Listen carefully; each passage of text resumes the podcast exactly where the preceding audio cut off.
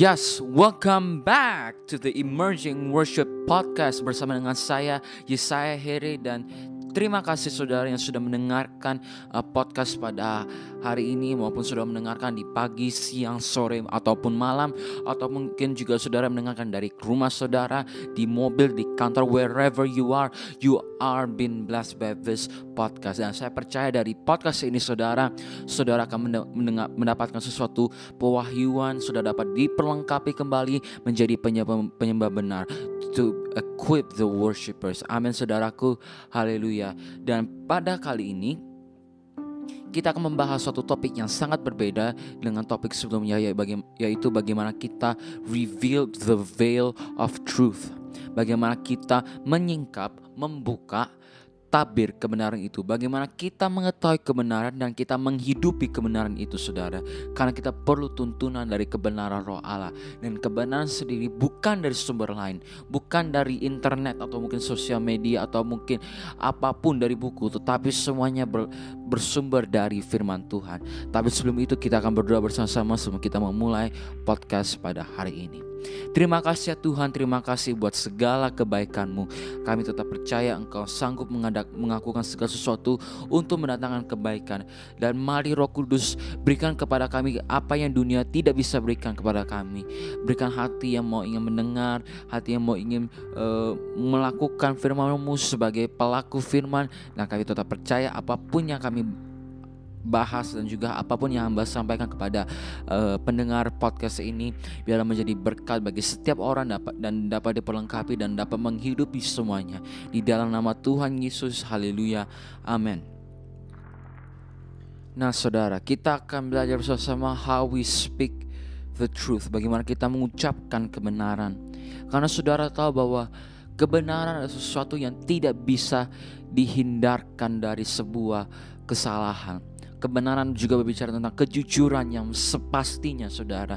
Tidak ada uh, kebohongan yang putih atau mungkin hanya sedikit berbohong tidak jujur. Kebenaran adalah stand for what is right. Berdiri terhadap apa yang benar karena kita tahu kita berada di dunia yang tidak membawa kepada kebenaran. Banyak eh, berita-berita atau mungkin pengajaran atau mungkin isu-isu yang tidak membawa kita kepada kebenaran Allah, malah menjauhkan kita keluar dari kebenaran Allah sendiri, Saudara. Dan perlu kita memiliki roh Allah yang dapat membuka pikiran kita supaya kita dapat menerima kembali kebenaran Allah itu sebenarnya. Dalam 2 Korintus 3 ayat 14 saya akan membacakan bersaudara. Tetapi pikiran mereka telah menjadi tumpul sebab sampai pada hari ini selubung itu masih tetap menyelubungi mereka. Jika mereka membaca perjanjian lama itu tanpa disingkapkan, karena hanya Kristus saja yang dapat menyingkapkannya. Only Christ that can reveal. Hanya kuasa Roh Kudus yang dapat membuka karena saudara tahu peran dari Roh Kudus dalam Yohanes 15 ada mengajarkan, mengingatkan kembali apa yang Yesus pernah sampaikan kepada kita supaya kita tidak lupa saudara. Kita tahu bahwa kita sering kali ditutupi oleh pengajaran-pengajaran yang membawa kita jauh dari kebenaran Allah sendiri. Dan kita juga sedang mencari sumber-sumber yang sebetulnya bukan membawa arah yang benar. Banyak orang yang mencari sumber-sumber atau mungkin isu-isu ataupun pengajaran supaya dapat memuaskan, namun sebetulnya tidak membawa kepada arah yang benar. Itu sebabnya kita perlu tuntunan Roh Allah. We need the guidance of the Holy Spirit untuk membuka dan menyingkapkan kebenaran Allah yang sebenarnya dalam kehidupan setiap orang yang percaya yang yang datang kepada Tuhan. Nah, saya mau ingin bertanya kepada saudara. Kenapa orang Farisi tidak percaya terhadap apa yang dikatakan Yesus? Dalam Matius 12 ayat pertama sampai ke-8 mengatakan seperti ini. Pada waktu itu, pada hari sabat, Yesus berjalan di ladang gandum. Karena lapar, murid-muridnya memetik bulir gandum dan memakannya. Melihat itu, berkatalah orang Farisi kepadanya, Lihatlah, murid-muridmu berbuat sesuatu yang tidak diperbolehkan pada hari sabat. Tetapi jawab Yesus kepada mereka, "Tidakkah kamu baca apa yang dilakukan Daud ketika ia dan mereka yang tidak yang mengikutinya lapar? Bagaimana ia masuk ke dalam rumah Allah dan bagaimana mereka makan roti sajian yang tidak boleh dimakan baik olehnya maupun oleh mereka yang mengikutinya kecuali oleh imam-imam atau tidakkah kamu baca dalam kitab Taurat bahwa pada hari-hari sabat imam-imam melanggar hukum sabat di dalam bait Allah namun tidak bersalah aku berkata kepadamu di sini ada yang melebihi bait Allah. Jika memang kamu mengerti maksud firman ini yang ku kendaki adalah belas kasihan dan bukan persembahan. Tentu kamu tidak menghukum orang yang tidak bersalah karena anak manusia adalah Tuhan atas hari sabat. Jadi di sini kita melihat ada ciri-ciri orang Farisi yang tidak mau e, membuka pikiran kepada kebenaran Allah. Mereka mengikuti apa yang e, diajarkan dalam hukum Taurat. Namun mereka tidak meminta petunjuk Allah atau tidak e, menerima kuasa Roh Kudus karena Roh Allah sendiri mau agar setiap orang meminta uh, tuntunan dari Roh Allah sendiri, saudara. Jadi sifatnya yang orang Farisi punya adalah keenggangan untuk bertobat. Dari awal penulisan Injil Matius, kita sudah dapat mengetahui bahwa orang-orang Farisi, ahli-ahli Taurat, dan orang-orang Saduki adalah orang-orang yang enggan untuk bertobat. Mereka tidak mengalami transformasi hidup. Ya jelas saudara, pada saat Yohanes Pembaptis berkhotbah di, di sungai Yordan untuk mengalami pertobatan, cuma orang Farisi yang gak bertobat. Karena mereka berpikir mereka berpikir bahwa saya bisa sanggup kok hanya Tuhan yang dapat mengampuni dosa saya, gak perlu orang lain. dan juga mereka berpikir bahwa mereka sanggup untuk melakukan sesuatu sesuai dengan ajaran hukum Taurat, bukan terhadap apa yang dikendaki oleh Allah. Mereka hanya hidup dalam hukum Taurat. Tidak menuruti apa tuntunan roh Allah yang kehidupan mereka. Tidak mereka tidak membutuhkan roh Allah sendiri. Mereka hanya cuma hidup ya cuma hukum Taurat dengan sepuluh perintah Allah dan keketapan daripada Musa. Meskipun mereka datang ke sungai Yordan dan memberi diri dibaptis, Yohanes Pembaptis mengetahui hati dan pikiran mereka bahwa mereka mempunyai motivasi yang salah. Nah, sering kali kita yang tidak hidup dalam kebenaran memiliki motivasi yang salah. Jangan kita memiliki motivasi yang salah, tapi kita memiliki, harus memiliki motivasi yang benar. Motivasi yang benar adalah orang yang memiliki keintiman dan kedekatan dan menuruti setiap kehendak Allah dalam hidupnya. Dan yang kedua adalah mereka memiliki sifat kemunafikan. Mereka tidak menyukai kebenaran yang tetapi kepada kepalsuan. Nah, sifatnya orang yang tidak mengikuti kebenaran adalah orang hidup dalam kepalsuan. Mereka hanya menginginkan posisi saja, jabatan, kekuasaan, dan kehormatan dari banyak orang dari banyak orang bukan Yesus yang kudus dan tidak berdosa mereka mau ingin posisi mereka mereka mau ingin supaya mereka mendapatkan sorotan yang paling terkemuka dan salah satunya adalah mereka memiliki kebutaan rohani. Mereka hidup apa yang diajarkan dalam perjanjian lama. Dan mereka nggak tahu kalau mereka sedang berada dalam perjanjian baru. Dan di mana saat itulah Tuhan sedang membongkar kembali dan merubah segala sesuatu menjadi baru. Ketetapan bukan pada hukum Taurat sendiri tetapi pada Injil kerajaan Allah. Jangan, janganlah kita seperti orang Farisi yang mau ingin punya kebenaran sendiri. Hanya mereka bersikeras mempertahankan tradisi nenek moyang dan hasil interpretasi mereka yang salah serta legalisme yang sekian lama telah mereka percayai dan mereka lakukan. Mereka mempunyai kebenaran sendiri yang yang sebenarnya bukan kebenaran dari Tuhan. Mereka hidup dalam kebenaran perjanjian lama. Kami mereka hidup dalam uh, ketetapan daripada Musa. Itu yang mereka katakan. Ketika itu orang Farisi bilang, kami hanya hidup dalam ketetapan Musa dan hukum Tauratnya dan para nabi-nabi. Kami nggak gak mau mendengarkan kebenaran daripada firman dari engkau. Mereka mengucapkan dan mengutarakan dan mereka memprotes kepada Yesus. Tidak ada seorang pun di antara mereka yang tercatat di kita perjanjian baru yang cukup serius dan sungguh-sungguh mau belajar kecuali Nikodemus. Saudara tahu, Nikodemus memang dia ada seorang ahli, ada seorang uh, orang Farisi, tetapi di satu sisi dia mengerti apa yang menjadi dasar kebenaran dan dia mau ingin mengikuti kebenaran daripada kebenaran sendiri daripada orang Farisi. Jadi mari kita harus hidup dalam kebenaran dan perlu kita ketahui pada saat kita menerima kebenaran kita harus mengucapkan kebenaran kepada orang lain karena sering kali kita mengucapkan kebenaran tapi tidak sesuai dengan kehendak Allah. Kita sering kali mengucapkan yang sepantasnya kita dari luar mengucapkan kebenaran, namun dalam diri kita kita tidak tidak hidup serius pada kebenaran apa yang kita ucapkan. Dan sifatnya mereka adalah orang yang menipu diri sendiri. Kita perlu menghindari dari apa yang menjadi kesalahan dalam kita mengucapkan sesuatu karena Alkitab mengatakan dalam Amsal 12 17, siapa mengatakan kebenaran menyatakan apa yang adil, tetapi saksi dusta menyatakan tipu daya. Orang yang mengucapkan saksi dusta berarti mereka berbohong, tidak jujur. Tuhan mau agar kita mengucapkan apa yang jujur, apa yang sebenarnya, dan apa yang adil. Sebab waktu kita mengucapkan sesuatu, kita harus memikirkan apa yang benar kalau kita mengucapkan tapi kita tidak memikirkan dengan benar, sama saja kita sedang membohongi orang lain, sedang uh, uh, istilahnya merekayasa cerita. Janganlah seperti itu, saudara. Saya menghimbau, jangan seperti itu.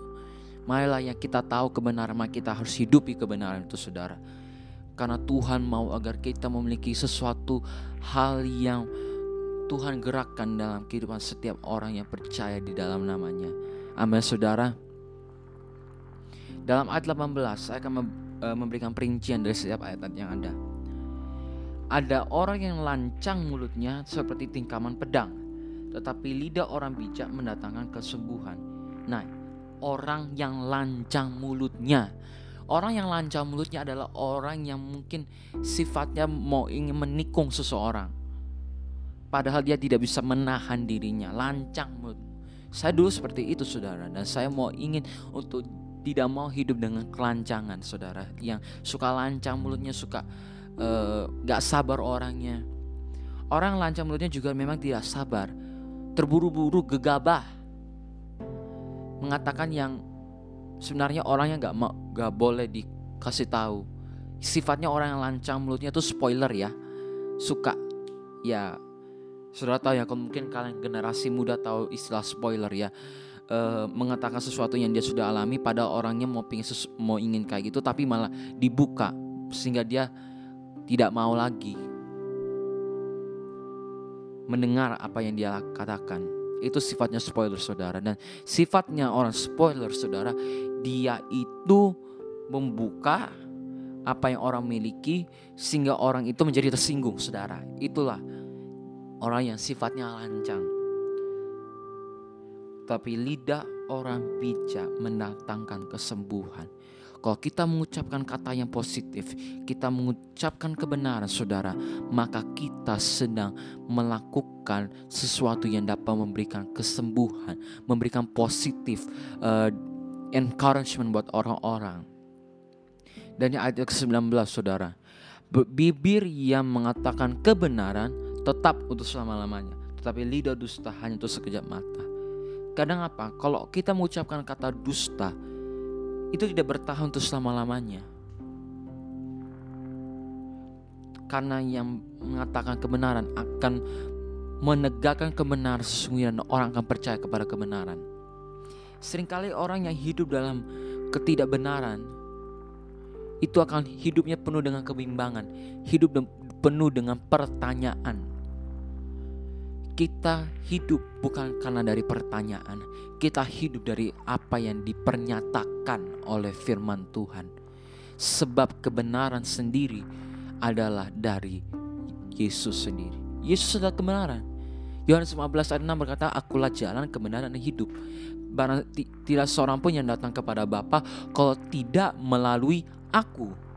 Jadi apa? Kalau kita mau yang mengetahui kebenaran, kebenaran sendiri itu adalah Yesus dan kita perlu datang kepada kebenaran itu. Bukan kepada kebenaran orang lain. Kebenaran orang lain hanya bersifat temporary, sementara, sekejap mata. tetapi kebenaran Allah kekal untuk selama-lamanya. Amin saudaraku. Itu sebabnya hati-hati dengan apa yang kita ucapkan dengan karena mulut kita dan lidah kita itu berkuasa. Be careful of what you say.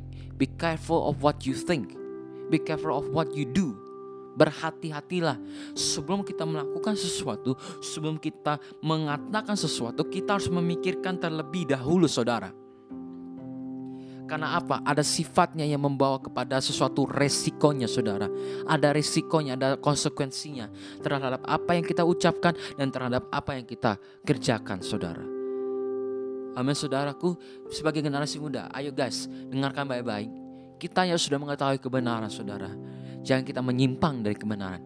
Jalankan terus kebenaran.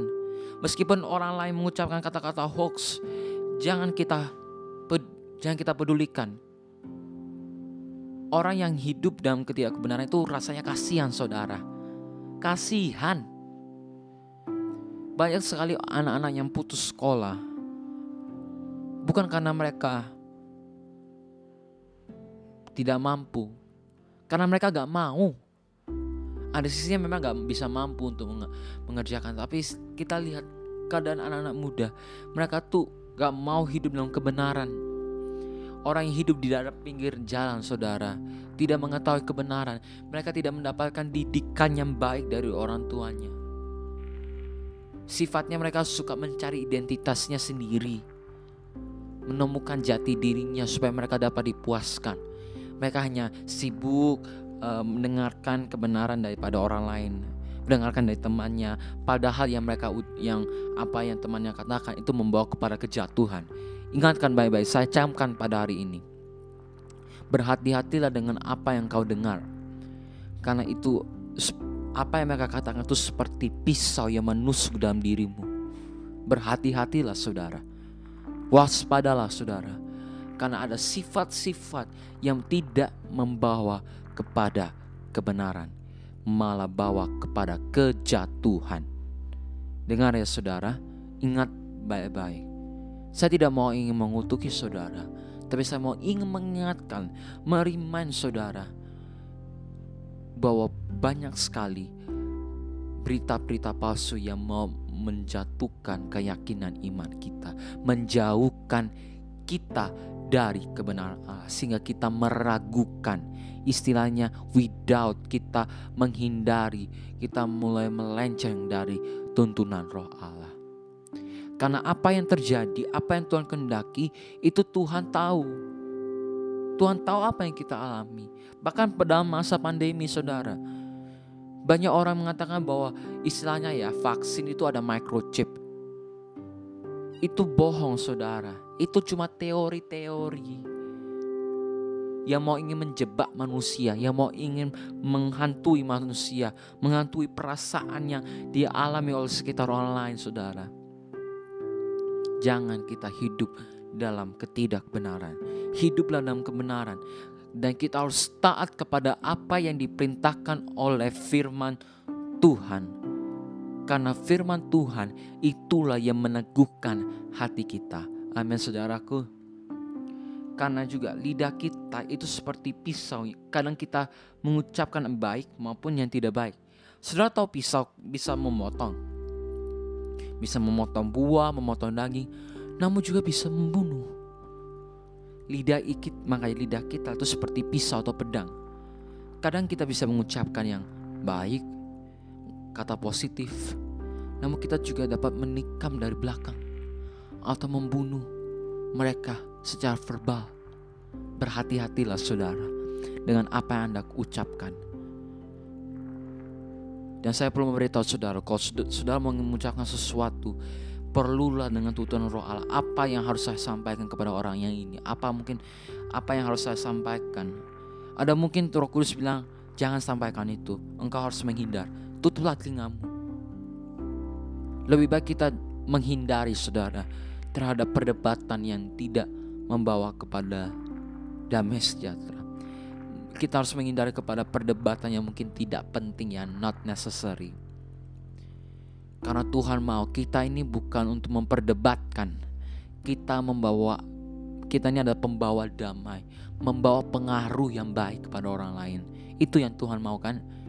Blessed are the peacemaker because they are called the children of God. Kalau saudara adalah pembawa damai, saudara membawa pengaruh yang baik, maka saudara adalah anak-anak Allah. Melakukan setiap kehendak yang diperintahkan oleh Tuhan. Doing something what God wants. Ketika Yesus berjalan di bumi ini selama 33 tahun saudaraku. Memang penuh dengan tantangan. Banyak orang yang memihak kepada dia, namun ada beberapa orang yang menolak kepada dia. Itu ter tergenapi saudara. Dia datang kepada milik kepunyaannya, tetapi milik kepunyaan menolak dia. Banyak yang menerima, namun banyak yang menolak. Itulah yang Tuhan kerjakan di bumi ini. Pada saat dia mengucapkan kodot, uh, khotbah di bukit, pada saat dia memberikan perumpamaan, pengajaran, pengajaran itu dia tidak merekayasa, itu yang Tuhan sudah taruh, Allah Bapa sudah taruh lewat tuntunan daripada Roh Kudus sehingga Yesus dapat berdiri tegak menyampaikan kebenaran kepada kebenaran bagi orang lain dan beberapa orang dan hampir sebagian percaya kepada Dia. Namun sedikit orang, khususnya orang Farisi, tidak percaya kepada Yesus kecuali dua orang Farisi, Nikodemus dan Yusuf dari Arimatea. Pada saat Nikodemus bertemu dengan Yesus malam-malam. Dia sedang membuk, dia sedang menyingkapkan kebenaran mengenai kelahiran baru, pertobatan yang pernah dikatakan oleh Yohanes Pembaptis, bertobatlah. Karena pada saat itu Yohanes Pembaptis sedang memperingatkan dan mencamkan kepada Farisi, "Hai kamu keturunan ular beludak." Mereka tidak hidup dalam kebenaran. Mereka memiliki uh, sifatnya bertobat palsu, saudara. Tidak mau ingin bertobat sungguh-sungguh. Dan mereka memiliki sifatnya kemunafikan. Munafik tidak percaya kepada Injil Kerajaan Allah. Tidak percaya kepada apa yang disampaikan, apa yang Tuhan inginkan. Dan mari saudara, saya mau ingin uh, memberitahu saudara mengenai bagaimana tabir alat itu terbelah menjadi dua ada satu sisi di mana bait Allah itu dirobek untuk mengubah dari sifat yang lama menjadi sifat yang baru. Jadi bukan imam yang datang kepada hadirat Allah, namun kita datang kepada hadirat Allah melalui darah anak domba Allah. Namun di sisi lain ada satu hal bagaimana Tuhan itu murka kepada orang Farisi supaya mereka dapat dilindungi dari kegelapan yang terjadi di uh, pada saat itu. Kegelapan terjadi itu karena adalah dosa. Dosa itu yang membatasi kita terhadap Allah. Dosa itu ada penghalang kita, penghalang bagi Allah bekerja dalam kehidupan kita. Kan terjadi dalam Yesaya 59 ayat, ayat kedua. Dosa itu adalah penghalang Allah dan manusia. Itu yang menghalangi. Jadi ketika tabir bait Allah ter, terbelah menjadi dua, orang Farisi pada saat itu menyesal terhadap apa yang mereka lakukan kepada Yesus dan juga kepada Yohanes Pembaptis. Karena apa saudara? Mereka tidak mendengar dan melakukan kebenaran Allah dalam kehidupan mereka karena mereka masih masih hidup dalam peraturan hukum Taurat dan Musa. Sekarang kita tidak hidup dalam dalam peraturan. Kita hidup dalam kerajaan Allah. We live in the kingdom of God. Dan kerajaan Allah hadir di tengah-tengah saudara saat saudara mendengarkan podcast pada hari ini. Ingat saudara, The kingdom of God is within you. Kerajaan Allah ada di tengah-tengah saudara. Amin saudara. Haleluya saudara. Sebagai kesimpulannya saudara, mari kita mulai buang dari sifat kepalsuan-kepalsuan, kemunafikan, eh, kebenaran sendiri dalam diri kita. Kita jauhkan dan mari kita dipenuhi oleh Roh Kudus karena di satu saat kita ini dipanggil untuk membawa berkat, membawa pengaruh, impact, influence kepada orang lain. Jika engkau merasa bagaimana saya mengucapkannya, saudara perlu tuntunan roh Allah. Jangan cari yang lain. Jangan juga cari kepada orang-orang atau mungkin orang terpakar teologi. Carilah Tuhan. Pakar teologi atau mungkin pemerintahan adalah manusia biasa. Mereka memiliki keterbatasan. Allah yang sempurna mampu mem mampu memberikan kekuatan kepada kita agar apa yang kita sampaikan kepada orang lain dapat mengubah perilaku mereka, mengubah sikap mereka menjadi sikap yang baik, yang lebih baik. Even better than that. Kita perlu tuntunan firman Allah. Ketika kita membaca, ketika kita merenungkan firman Allah, kita menghidupi dan pada saat kita menghadapi suatu masalah, kita ingat firman Tuhan itu dan kita bisa menyelesaikan permasalahan itu bukan dengan kekuatan sendiri, namun dengan kekuatan kebenaran Allah. Karena apa saudara? Jika engkau mengetahui kebenaran, maka kebenaran akan memerdekakan kamu. Are we totally free? Tanyakan dalam diri saudara. Karena kita masih belum terbebas dari dosa kita memang bebas dari zaman penjajahan. Tapi apakah kita sudah benar sebenarnya bebas, totally free? Karena dosa masih merajalela seluruh dunia. Khususnya untuk generasi muda. Ingat, we live of what we have faith and not by sight. Kita hidup karena percaya dan bukan karena melihat. Apa yang kita lihat itu sifatnya tidak kekal, hanya sementara. Tetapi apa yang tidak kelihatan, namun apa yang kita harapkan itu kekal untuk selama-lamanya. Amin saudaraku. Dan untuk itu marilah kita perlu tuntunan daripada roh Allah yang terjadi dalam kehidupan kita. Mari saya berdoa untuk saudara. Terima kasih ya Tuhan apa yang hamba sampaikan kepada mereka. Sehingga apa pun yang mereka sampaikan mereka tidak memiliki keraguan untuk mengucapkan dan berdiri teguh kepada kebenaran. Hamba tahu Tuhan dalam kondisi ini kami memiliki uh, tantangan demi tantangan yang kami hadapi. Tapi kami tetap percaya pada saat kami berdiri teguh kepada kebenaran, pada kebenaran firman-Mu, kami dapat mengucapkan kebenaran. We speak for truth. Karena kami tahu semuanya hanya demi kemuliaan namamu. Kami melakukan buat bukan untuk keuntungan, keuntungan kami sendiri, tapi hanya untuk kemuliaan namamu. Terima kasih ya Tuhan. Kami akan nanti lanjutkan di episode ke-6 how we live for truth. Terima kasih dalam nama Tuhan Yesus. Haleluya. Amin. Amin saudaraku. Jadi jangan uh, lupa akan ada episode ke-6 dan kita akan melanjutkan how we live for truth. From speak of truth, we live for truth. Dari bagaimana kita mengucapkan kebenaran, apa yang kita ucapkan akan kita hidupi dalam kehidupan kita. So, see you and God bless you.